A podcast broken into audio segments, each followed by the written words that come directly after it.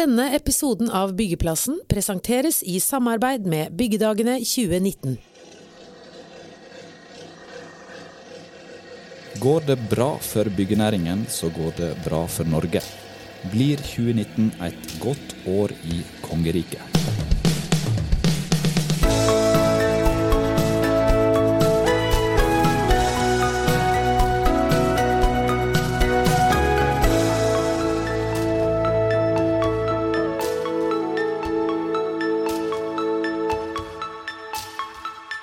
I dag skal vi finne fram spåkula og snakke om hvordan 2019 kan bli for norske bygg- og anleggsbedrifter.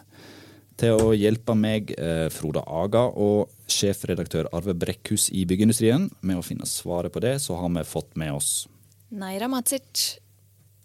Og Jon Sandnes. Og det er da fra Prognosesenteret og Byggenæringens Landsforening. Eh, velkommen begge to, og vi får si godt, godt nyttår. Det, vi skal jo se litt fram eh, i spåkula her nå og, og, finne ut om det blir et godt nyttår. Men i innledningen så sa jeg at eh, dersom det går bra for byggenæringen, så går det bra for Norge. Hvorfor er ut, utviklingen i byggenæringen så viktig for, for Norge? Det, er, det, henger sammen med at uh, byggenæringen er jo Norges største fastlandsnæring. Også største distriktsnæring.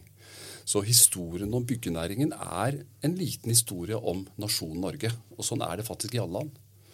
Nettopp fordi at vi er en så stor sysselsetter, så betyr det at uh, når man, det går bra med byggenæringen, så kan man i stor grad si at det går bra for landet.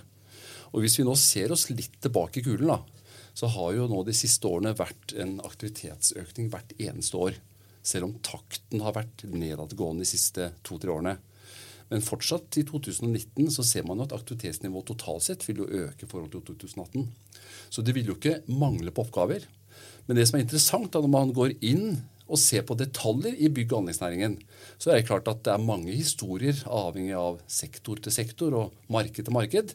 For det er ikke sånn at bygg- og anleggsnæringa er ett marked. Det er mange eh, markeder, og noen fungerer veldig godt, og noen fungerer mer krevende og varierer også fra region til region. Men 2019 blir høyt aktivitetsnivå. Byggenæringens Landsforening har jo 15 bransjeforeninger i sine rekker, og så har de over 4000 medlemsbedrifter som sysselsetter veldig mange, som du var inne på. 70 000 er det vel ja, totalt? Over 70 000, ja. Når det måler temperaturen ute blant medlemsbedriftene deres, hvordan er stemningen der da? Altså, Bygg- og anleggsnæringen er vel Norges mest optimistiske næring. Nesten uansett hvordan det går. Det har alltid forundret meg i denne jobben. Og vi, vi i BNL gjør jo også noen egne framtidsbarometerundersøkelser. Vi sitter nå og gjør nå for 2018. Så den siste jeg har, er for 2017. Men mye av det tyder på, de tallene vi ser nå, det er at optimismen er ikke noe lavere for 2019 enn det den var for 2018. Så eh, jeg vil si til alle dere der ute som er i næringen, eh, det er fantastisk bra med en sånn optimisme. Eh, så kan man jo spørre seg selv om det er grunn til å være så optimistiske. Eh, og det tror jeg nok at man kan ha forskjellige historier. ja. Kan du spille ballen over til deg? da? Har de grunn til å være optimistiske, Neira Matsic? Ja da. De er ikke helt håpløse. Så de, de, har kontroll på dette. Det er grunn til å være optimistisk. Eh, vi får nok ikke like sterke vekstrater totalt i bygg og anlegg som vi har hatt eh, de siste par årene. Det er fordi det hovedsakelig har blitt drevet av veldig sterk vekst innenfor bolig, boliginvesteringene. Det som fremover kommer til å drive veksten, er anlegg istedenfor bolig. Eh, og anleggsveksten kommer til å bli helt formidabel. Men fordi da bolig drar litt ned, så blir summen bitte litt mer eh, normal vil jeg si, enn det vi har hatt de siste par årene. Så det er absolutt grunn til å være optimistisk, eh, men det blir kanskje ikke like eh, euforisk stemning som det har vært eh, de siste par årene. Ja, det er jo eh, mange deler av, av, bransjen skal gå opp. Og jeg ser at det i Prognosesenteret har veldig positive eh, signal på yrkesbygg. Eh, de spår jo en vekst på godt over 8% som skal være den høyeste veksten på ti år. Hva som gjør at vi får den kraftige boomen akkurat der nå? Det er eh, nesten ene og alene sykehusbygg. Eh, det blir igangsatt veldig mange nye store sykehus i år og neste år. For å nevne noen, så er det Vestre Viken, sentralsykehus i Buskerud. Og så er det et nytt sykehus på Nordmøre. Som ble utsatt litt nå, men det kommer fremdeles. Det kommer bare litt senere enn det det skulle. Eh, et sykehus i Stavanger, Kristiansand. altså Det er veldig mange store prosjekter. Eh, mange av de er på f.eks. det i Vestre Viken er på nesten 10 milliarder kroner. Ett prosjekt alene. Så dette kommer til å føre til at hele yrkesbyggsektoren blir dratt opp. Um, og så ser vi at private næringsbygg, som er, består av kontor, lager, industri, forretningsbygg, der går det ikke fullt så bra. Uh, men vi tror på en flat utvikling, og nivået er høyt allerede. På både igangsettingen og på produksjonsverdien. Så det at man klarer å opprettholde et så høyt nivå, er jo positivt i seg selv. Men vi venter ikke noe videre sterk vekst der, sånn som vi gjør for offentlige bygg. Mm. Hva betyr det for de som skal bygge både sykehusbygg og veiene, og eh, at det, veksten kommer der? Får det noe betydning for byggenæringen sånn rent praktisk? Ja, det gjør det. Eh, det. Det det, betyr, det er at eh, aktørene som skal levere både anbud og levere produksjon på dette, må jo nødvendigvis flytte på en måte personell fra sektor til sektor. Men det er jo gode nyheter at det er ønske om å bygge såpass mye. Jeg er betalt for å være bekymret på tross av at optimismen er stor. Uh, og, og, og, Grunnen til at jeg også er bekymret, det er jo at vi ser jo at uh, når veksten i veldig stor grad, både på anleggssida og på yrkesbygg med sykehusbygg, er preget av store prosjekter, så er det jo helt klart at uh, det markedet vi har i Norge, har jo vist seg den siste tiden at den kompetansen man har for å håndtere risiko på veldig store prosjekter, den er krevende. Den er krevende for byggherren, og den er krevende også for de uførende. Vi kan bare se det på anlegg, hvor altså fem aktører sitter med konfliktstoff på ca. 5 milliarder. Snakker om eh, en moms som er betalt inn bare på 1 milliard, så man må sitte og vente på at man har funnet løsninger på disse konfliktene. Eh, nå er det heldigvis eh, mindre konflikter i bygg, men det er klart det er det der òg. Så når, eh, når, man snakker om prosjektet på, på 10 milliarder, så er det ikke sånn selvfølgelig at én aktør tar det. Det er jo mange fag her som skal levere. Men det er bekymringen min. Det er vi må, og det, dette kommer vi til å se i 2019, vi kommer til å se det i 2020 òg, det er at vår kompetanse i fellesskap i verdikjeden Alt fra bestillere til utførende. Vi er nødt til å bli bedre på å håndtere store prosjekter og håndtere risikoen på dem. Men Innen samferdselssektoren er prosjektene begynt å bli litt for store nå? Klarer vi å takle det? Er det for stor risiko? Jeg var jo tidligere leder av EBA, Entreprenørforeningen, eh, og vi ba om å få større prosjekter. Og det har vi til gangs fått. Men man må huske på at når vi ba om det, så var jo stort prosjekt. Det var ca. 750 millioner til kanskje en milliard. Mm. Eh, og når man får disse gigantprosjektene nå i samferdselssektoren, hvor man snakker om mange milliarder, og det ene Follo-prosjektet alene på 8,9 ja. uh, så, så, så, begynner vi å snakke om at det å håndtere risiko i sånne prosjekter i forhold til et prosjekt på 1 milliard, det er en helt annen øvelse. Det er en helt annen øvelse for byggherren. Det er en helt annen øvelse for uh, de utførende. Og Det betyr at når man skal inn i en sånn type landskap, og bruker da verktøykasse med tanke på at et stort prosjekt er 1 milliard, så ligger det der så mye kime til utfordringer som jeg tror vi har undervurdert alle sammen. Du sa ja, det ba om store kontrakter. Var det på en måte sånn at det ba om en, eh, en hest, i, eh, og så fikk det en elefant? Nei da. Eh, det var mye mer nyansert enn som så. Vi må huske På det tidspunktet så hadde vi jo også, særlig innenfor samferdselssektoren, en erfaring med at man bygget stykkevis og delt. Og man rigget opp og rigget ned. Og det er klart at når man gjør et regnskap på en sånn måte å bygge infrastruktur på, så ser man jo at man får jo uforholdsmessig høye rikkostnader. Uh, og man får også lite forutsigbarhet. Så man får lite på en måte, kontinuitet på arbeidskraften. Uh, og når da plutselig det nye prosjektet kom, så var noen av de folkene flytta på kanskje byggprosjekter. Så man ønsket en større forutsigbarhet. Uh, men det jeg tenker når man ser så store prosjekter Det er fullt mulig å ha en idé om å gjennomføre store prosjekter, men stykke opp gjennomføringsmessig på en slik måte at du får en kontinuitet og, eh, sånn sett en bedre driftsfordeling. Mm. Så det er fullt mulig å få til. Eh, men jeg tror nok at eh, historien bak oss de siste årene har vist at her har ingen av oss vært flinke nok. Så her er vi nødt til å skjerpe oss. Og så må vi, så må, tror jeg, sett i forhold til dette med de store konfliktene Det som bekymrer meg kanskje mest, det er at jeg opplever at man er ikke enige om rotårsaken. Eh, det er forskjellige historier.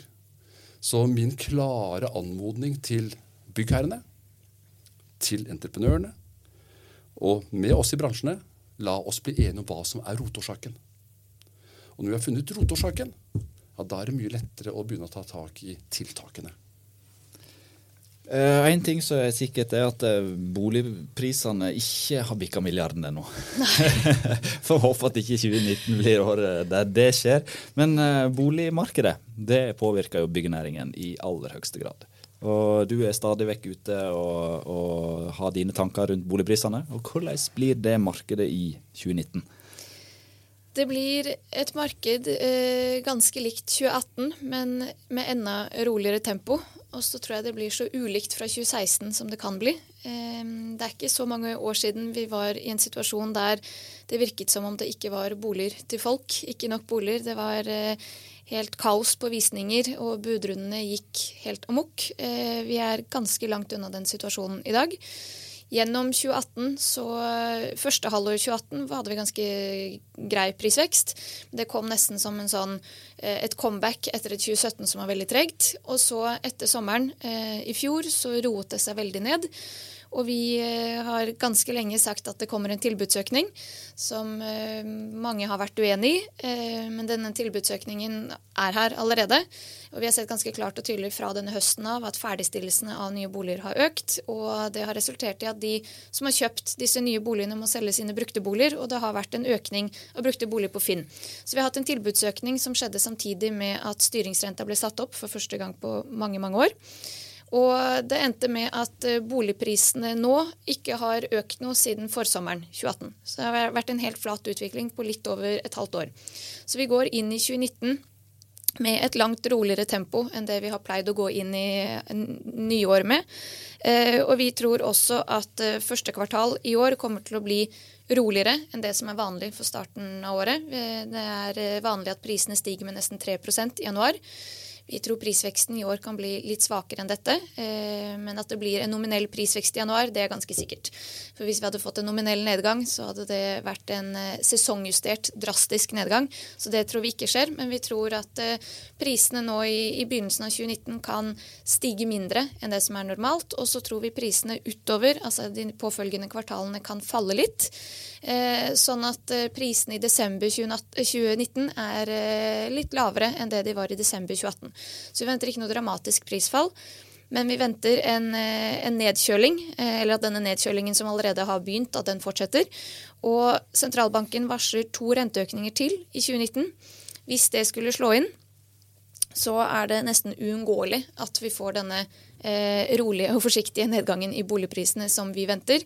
For tilbudsøkningen som vi bare har sett eh, begynnelsen av, den kommer bare til å fortsette i 2019. Eh, I fjor, nå har vi tatt ut tall fra matrikkelen, jeg har sittet og gravd i grunnboka. Jeg har funnet at det har blitt ferdigstilt i Oslo f.eks. Eh, rundt 4000 boliger i fjor. Det er en økning på 60% fra året før. Så det at, denne, at, man kan avblåse denne tilbudsøkningen, det er bare tøv. Eh, men å kalle det en tilbudsflom, det trenger man kanskje ikke. fordi tallet 4000 i seg selv er ikke så høyt, men det er bare en veldig sterk vekst fra året før. Og også fra årene før der igjen. I 2016 så var det enda lavere ferdigstillelse. Så i år så tror vi denne ferdigstillelsen kommer opp i nærmere 4500 for Oslos del. Så en ytterligere vekst. som skjer samtidig med at befolkningsveksten har roet seg, og disse renteøkningene som jeg nevnte. Så det er ting som drar i hver sin retning, men summen blir at eh, boligprisene kommer til å utvikle seg svakere i år, i 2019, enn i fjor, tror vi. Vi tar en liten pause for å få et par ord fra våre samarbeidspartnere. Byggenæringens viktigste møteplass, Byggedagene 2019. Sett av datoene 3. og 4. april. Da braker det løs med Byggedagene på Oslo Plaza. Følg med på bygg.no. Og da er vi tilbake på byggeplassen. Og så er det alltid en frykt for at eh, reguleringen stopper litt opp, da. Og så at en mm. får en sånn der eh, stopp, start, stopp, start, stopp, som en alltid får. Ja. Eh, skjer det? Det kan skje. Ehm, det ble regulert rundt 800 boliger i fjor. Eh, men reguleringsreserven Nå snakker jeg om Oslo. Det blir veldig ofte Oslo-fokus, mm. og det blir det nå. Men eh, vi har en reguleringsreserve i Oslo kommune på litt over 24 000 boliger. Um, og med den byggetakten, eller hvis du ser på antall boliger som er blitt ferdigstilt i Oslo hvert år de siste ti årene, så gir den reguleringsreserven oss rundt åtte år til å bygge på. Men så er det mange som sier at uh, du kan omtrent bare fjerne Gjersrud, Stensrud og Furuset, der det ligger rundt 11 000 regulerte boliger, for der vil ingen bo. Og det kjøper jeg ikke helt. For hvis vi kommer i en situasjon der det er boligmangel, og der boligprisene igjen kommer inn i 2016-modus, som jeg ikke tror de kommer til å gjøre, men hvis det skulle skjedd, så tror jeg ikke noen hadde takket nei til å bo på Gjersrud Stensrud. Eh, det er bare å sette opp bussruter dit og sette opp en barnehage og en Rema-butikk, så er det helt beboelig der. Så jeg, jeg, kjøper ikke helt det argumentet om at for det er noen som sier at du sitter igjen med et par tusen regulerte boliger i Oslo, som er på steder der folk vil bo. Eh, det blir for snevert. Og For de som ikke er helt lokalkjente, lokalkjente så er Gjersrud Stensrud altså litt øst i Oslo. Litt øst i Oslo, liksom helt beboelig. Litt i kjernen av der så Follobanen blir bygd for 26 milliarder kroner. Ja. Som jeg vet boligprodusentene har vært veldig ivrige på at her skulle jo vi ha hatt en stopp på mm. Follobanen. Mm. Så uh, har en planlagt seg litt vekk der, da. At uh, kanskje du Jon Sandnes har noen tanker rundt det. Burde en hatt en Follobanestopp for der for å få boligbygging? Selvfølgelig. Det er jo åpenbart. Det er jo helt tragisk at man på en måte velger å fjerne en stoppested når på en måte hele tanken var jo at uh, infrastrukturbygging skulle bidra til å skape bo- og arbeidsregioner hvor du ikke tvang alle til å måtte bo i Oslo.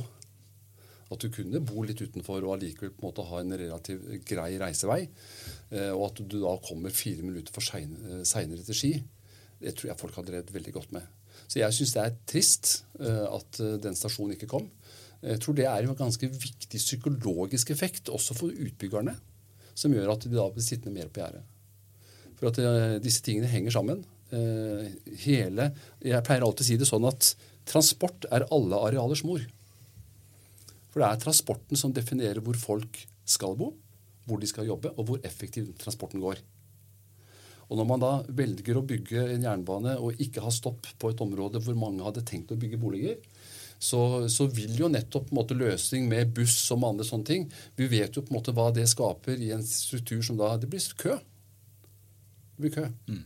Så hele tanken med Nasjonal transportplan, med, med, med både Follobanen og med Ringeriksbanen og alt mulig, det var jo nettopp å skape disse gode bo- og arbeidsregionene. Så her tror jeg man har gjort uh, en taktisk uh, tabbe.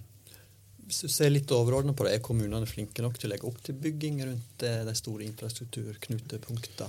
Jeg må jo si at det plansamarbeidet som uh, Oslo kommune og kommunen i Akershus uh, gjennomførte som følge av også den enorme befolkningsveksten man så, den har jo roet seg. Er ikke bare roet seg, men den er jo nedadgående mm. nå. Men det, er, men det, er, ikke sånn at man, man, kan ikke tenke samfunnsutvikling bare i et tiårsperspektiv eller femtårsperspektiv. I et langt perspektiv så blir vi flere mennesker her. Ja.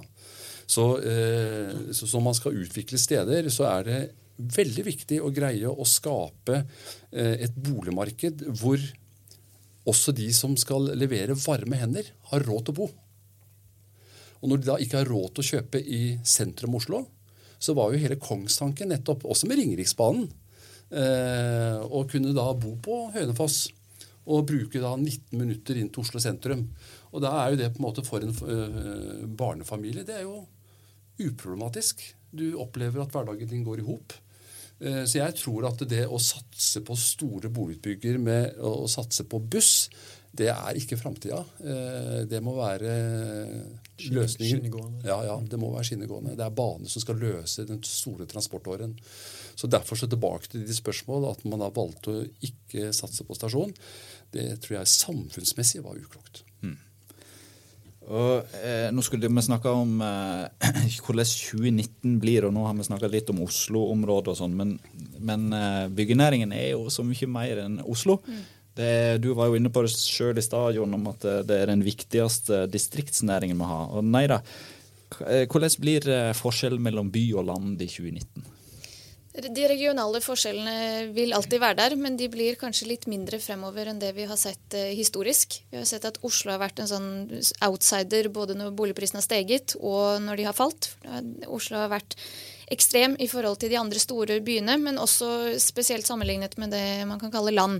Eh, fraflyttingskommuner er eh, det sier seg selv at boligprisene der kan ikke stige.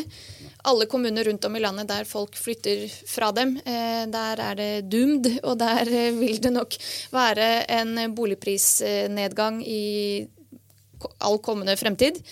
Ehm, men det som trekker litt i motsatt retning i byene, da, er at vi ser at de mest eh, forgjeldede husholdningene de finner vi i byene. Så prosentandelen av husholdninger som har mer enn fem ganger inntekt i gjeld, de er overrepresentert i alle de store byene. Så ute på landet så har du mye mer gjeld. Og nå er vi i en situasjon der renta definitivt ikke skal nedover. Vi vet ikke hvor mye oppover den skal, men den skal oppover. Eh, sånn at disse renteøkningene vil bite veldig mye mer i byene enn ute på landet. Så det er egentlig to effekter som drar i hver sin retning. Du har denne urbaniseringseffekten, som taler for at boligprisene vil falle mer. Utenfor byene enn i byene. Og så har du denne eh, finansierings- og renteeffekten som taler for at etterspørselen vil rammes mer av renteøkninger i byene enn ute på landet. Summen av disse to, og det er mange andre utviklingstrekk også, det er ikke bare disse to som styrer boligmarkedet, men summen eh, blir nok at vi venter at boligprisene nå på veldig kort sikt, i 2019, kanskje kan falle mer i byene enn på land. Men på lengre sikt så er det definitivt eh, mye større sannsynlighet for prisvekst i byene enn på landet. Så på kort sikt så handler det om renteøkninger. Og det handler også i veldig stor grad om boligbygging og tilbudsøkning. Og vi ser at i mange av de store byene så har det vært en veldig sterk vekst i boligbyggingen de siste par årene. Det er disse boligene som blir ferdigstilt nå. Det ser vi også i Trondheim. I Trondheim har man bygget flere boliger enn det det demografiske eh, boligbehovet har vært i mange, mange år. Eh, så der har man bygget seg til en prisnedgang som må komme snart, tror jeg. Så dette er litt sånn kortsiktige effekter, men på lang sikt så vil det definitivt være mer lønnsomt å eie en bolig i byen enn på landet. Hvordan ser det ut for dine bedrifter i, i distriktet, da, Jon? Eh, du var jo inne på optimismen og sånn i stad. Er de like optimistiske i Sogn, der jeg og Arve kommer fra, så, eh, så de er andre plasser i mer sentrale strøk? Eh, altså Optimismen er godt eh, fordelt på hele landet, faktisk. Den er det. Eh, og når optimismen også er sterk en bedrift som opererer i Oslo, som er jo da et annet type marked, eh, så tror jeg nok det henger sammen med andre ting. Det er at eh, motorene, vekstmotorene er på andre steder. Men optimismen er stor rundt omkring i Norge. altså. Den er det. Jeg lurer også noen ganger på Dette er bare en hypotese. Vi som jobber med, med byggenæringa, vi er mennesker som veldig ofte er stolte av det vi holder på med, for vi bygger landet. Og jeg er ganske overbevist om at den, den stoltheten den påvirker optimismen. Jeg tror det. Mm. Eh, fordi at vi er en næring som jobber i evighetens perspektiv. Den blir jo aldri borte. Den blir aldri borte. Den blir aldri borte. Ok, Så skal vi jobbe på litt forskjellig måte, og så er det konjunkturer og alt mulig sånt nå. Men jeg tror veldig mange opplever når vi spør dem, at de er med på noe stort. Og jeg tror også det også påvirker en uh, sånn type undersøkelse. tror jeg. Altså, det er min lille hypotese. Jeg kan ikke dokumentere den. En siste kommentar til det du spurte om eh, i sted, som egentlig er veldig viktig. Vi så i 2018 at eh, de kommunene som hadde den sterkeste befolkningsveksten i hele landet, det var Ullensaker, Nannestad og Lørenskog. Ullensaker hadde en befolkningsvekst på 4,4% som er helt utrolig. Um, som stemmer ganske godt med SSBs befolkningsfremskriving, som sier at frem til 2040 så vil det være nabokommunene til de store byene som vil oppleve den sterkeste befolkningsveksten i prosent, og ikke selve storbyene. Og Det tror jeg vi også kommer til å se i boligmarkedet. At uh, boligprisene er blitt såpass høye i de store byene, spesielt Oslo. Det tvinger mange til å flytte ut til nabokommunene rundt, og der vil det oppstå et nytt prispress. Der vil det oppstå et nytt prispress. Mm. Men vi kan ikke snakke bare om Distrikts-Norge og sentrale deler av Norge. Vi må snakke om verden nå, for Norge er ikke ei øy for seg sjøl i denne store verden. Eh, hvordan vil eh, det globale bildet Det er jo veldig mye uro både politisk og ikke minst på handelssida. Brexit eh, lurer der ganske Ikke så i det fjerne lenger, men veldig nærme. Eh, Donald Trump han eh, tvitrer ting stadig vekk som kan endre bildet kjapt. Hvordan vil 2019 se ut eh, for Norge i det globale bildet? Vil det skje ting som endrer ting fort der? Jeg vet ikke hvem som har lyst til å svare på det. Ja, jeg, jeg tror det. Vi kommer til å merke det. I går så hadde jo NHO sin årskonferanse som de kalte Vi og verden. Hvor den satte fokus på veldig mye av de spørsmålene du stiller. Eh, globalisering har jo vært en megatrend. Eh, og kommer fortsatt til å være en trend, men den har fått en annen valør. Og det er jo kanskje også først og fremst de aktørene, de enkeltpersonene, som opplever seg som tapere av globaliseringen. Og det jeg syns kom veldig godt fram på den årskonferansen i går, som vi kommer til å merke i 2019 i Norge òg, det er at eh, selv om vi ønsker en åpen verden og må ha en åpen verden for et land som har en liten økonomi og en åpen økonomi, så er vi nødt til å adressere i mye større grad de utfordringene som kommer i kjølvannet av en sånn åpenhet. Og Det tror jeg vi ikke har vært flinke nok til. Og det tror jeg er fullt mulig også innenfor det rammeverket vi har. innenfor det regelverket vi har. Uh, og det vi kommer til å merke i byggenæringen, det er jo tilgang på arbeidskraft. Vi ser jo at veksten uh, i Europa den øker. Uh, Sverige og Polen er jo de landene som har tilført oss mest arbeidskraft de siste årene. veksten der øker. Så de som vi har tatt for gitt har kommet, de kommer jo ikke lenger. Så jeg, Vi kommer til å få en større kamp om kvalifisert arbeidskraft. Og den har jo allerede vært krevende. Eh, de siste tre-fire årene i den undersøkelsen som vi gjør i BNL, altså Framtidsbarometeret, så er det jo fire av ti som sier at de ikke har fått tak i fagfolk. Og like mange sier at de, eh, fire av ti sier at de har ikke gjort investeringer som en følge av at de ikke har fått tilstrekkelig kvalifisert arbeidskraft. Det kommer til å bli en større utfordring. Eh, og det, som, det som da er minst klare oppfordring i et sånn type landskap, når aktivitetsnivået skal være så høyt, det er jo å for det første sette enda mer trøkk på det som vi bare ser starten av, å få lærlinger inn i offentlige kontrakter. Slik at vi sikrer etterveksten med folk som har kompetansen. Og så har jeg også en klar oppfordring til de av dere som sitter og hører på oss her nå. Det er jo, det er jo mange av dere der ute som har jobbet i byggenæringen, men som ikke gjør det lenger. Kom tilbake. Aktivitetsnivået er her. Vi trenger en kompetanse, vi trenger en kunnskap. Eh, og så tror jeg det kommer til å bli eh, krevende også fra næring til næring om kampen om de gode hodene. Det kommer vi til å merke. Eh, akkurat det du nevner nå, er jo kanskje det som endrer byggenæringen mest de siste 20-30 åra. Altså utvidelsen av EØS, den store arbeidsinnvandringen. Og det at den nå viser tegn til å stoppe opp kan det faktisk bli en brems for utvikling for bedriften? Og at det kan få problemer med å få nok folk rett og slett til å gjøre jobben samfunnet Ja, Det blir åpenbart en utfordring. Det gjør det. Eh, og jeg sitter ikke med fasitsvaret på hvordan vi skal på en måte eh, skaffe et såpass stort antall eh, hoder. For hvis vi ser tilbake eh, de siste årene, så har det ikke vært ubetydelig. Men selvfølgelig også, vi er jo en næring som også trenger ufaglært arbeidskraft. Det må vi aldri glemme. Så, eh, så, min oppfordring går jo selvfølgelig til dem også å søke hos oss. Eh, og så blir det da bedriftenes oppgave å sørge for dem og sette dem inn i HMS-rutiner og kompetanse, slik at de blir eh, gode i produksjonen. Men dette blir en utfordring. altså Vi må ikke være naive. Mm. Du, Vi var inne på Twitter og Trump i stad. Nå har ikke vi like stor gjennomslagskraft som han eh, på Twitter, men vi ba noen eh, følgere om å komme med spørsmål til gjestene våre. Det har ikke vært en Twitter-storm, det skal vi være ærlige og innrømme. Men det kom et, eh, et spørsmål eh, som ikke har noe med 2019 å gjøre. Dette er mer et generelt spørsmål. Men til deg, Jon. Ehm, hvordan jobber BNL for å stoppe alle tyveri på norske bygg- og anleggsplasser? Det har jo vært et problem som har vært kjent i næringen i mange, mange år.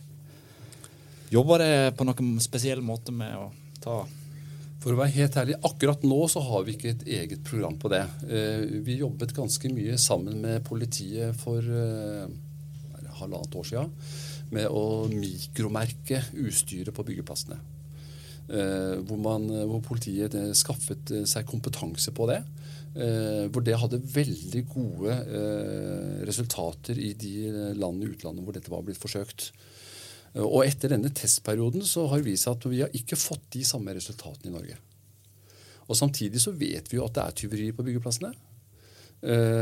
Min oppfordring til bedriftene det er jo kanskje spesielt det vi vet da, om tyveriet, er at det er veldig ofte raid og bander som opererer. Eh, så det å sikre byggeplassene er usedvanlig viktig. Eh, jeg fikk dette spørsmålet senest uken før jul. Og når jeg får det nå på nytt igjen, så vil jeg si det sånn at da må BNL sammen med bransjene stille det spørsmålet på nytt igjen. Hva bør vi gjøre i fellesskap? Mm. Så det kommer jeg til å gjøre. Jeg vet ikke om du har svaret på det. Nei da. Det er ikke sånne ting det sitter og ser på Absolutt ikke. Jeg skal holde meg til det jeg kan. Det er ikke mitt bord. Men, Men det, men det kanskje, kanskje bare kunne tilføye, da, Ja. det er jo helt klart at uh, det å sikre byggeplassene også, og, uh, særlig i byene, da, Uh, med rondeller, med gjerde, bruk av HMS-kortet, det er jo i seg selv et viktig tiltak, slik at du vet hvem som er på byggeplassen. Da får det være et forsett for 20, 2019. Men eh, kanskje noe du Jeg vet ikke. Prognose for, eh, for befolkning og sånn. Eh, Ja. Det er jo noe som òg påvirker byggenæringen. Eh, hvordan ser befolkningsveksten eh, ut? Nå lager ikke vi våre egne befolkningsfremskrivinger. Det overlater vi til SSB, som eh, har satt av en god del ressurser til det.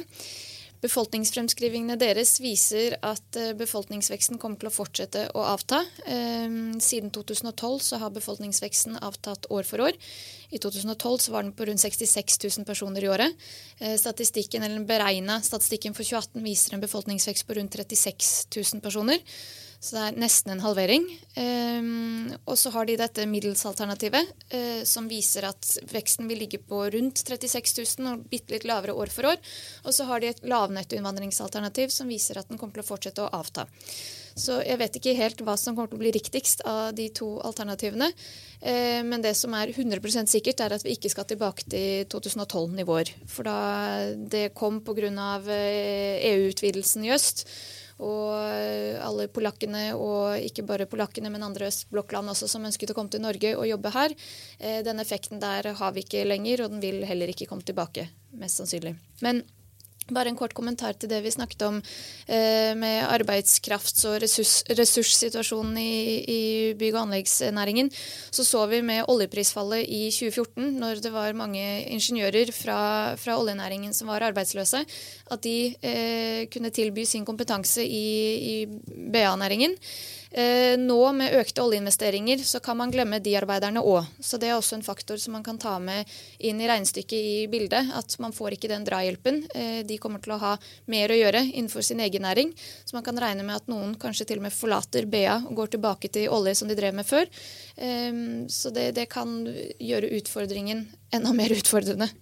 Ja, Vi ser jo at Equinor blant annet skal ha mange hundre ansatte i én ansettelsesprosess. Så nå begynner Ja. det virkelig å skje ting i den. delen Selv om den økningen i oljeinvesteringene ser ut til å bli eh, kortsiktig, det ser ikke ut til at den kommer til å fortsette i veldig mange år, men nå i år og neste år så får man en økning eh, som kommer til å kreve mange hender og smarte hoder. Så i hvert fall for de neste to-tre årene så kan ikke BA-næringen regne med noe drahjelp med arbeidskraft derfra. Eh, Vi begynner å nærme oss uh, slutten her, men jeg har lyst til bare på tampen uh, å spørre, i og med at ikke vi kan basere oss på arbeidsinnvandring i stor, så stor grad, og Erna Solberg hun uh, oppfordrer jo alle nordmenn til å få flere barn. Jon, du har fått seks av dem. Du har gjort din Jeg har gjort jobben min, altså. er det noe du vil anbefale for å holde liv i byggenæringen framover, og lage flere barn? Kan- Er det så enkelt? Nei, det er så enkelt er det ikke, men jeg kan likevel gi en, en oppfordring til det. Det er både hyggelig og det er eh, samfunnsnyttig eh, å å sikre etterveksten. Det er det. Da tror jeg vi setter strek der, for den tilmålte halvtimen var sikkert vel så det er brukt opp. Um, og da vil jeg takke sjeføkonom Neira Matsic i Prognosesenteret og administrerende direktør Jon Sandnes i BNL for at de ville være med oss i dag. Alf Magne Hillestad har som vanlig hatt teknikken, og i studio så har du hørt meg, Frode Aga, og Arve Brekkhus. Eh, og abonner gjerne på podkasten vår. Eh, legg igjen, igjen en liten melding om hva du syns òg. Og så hører vi snart igjen.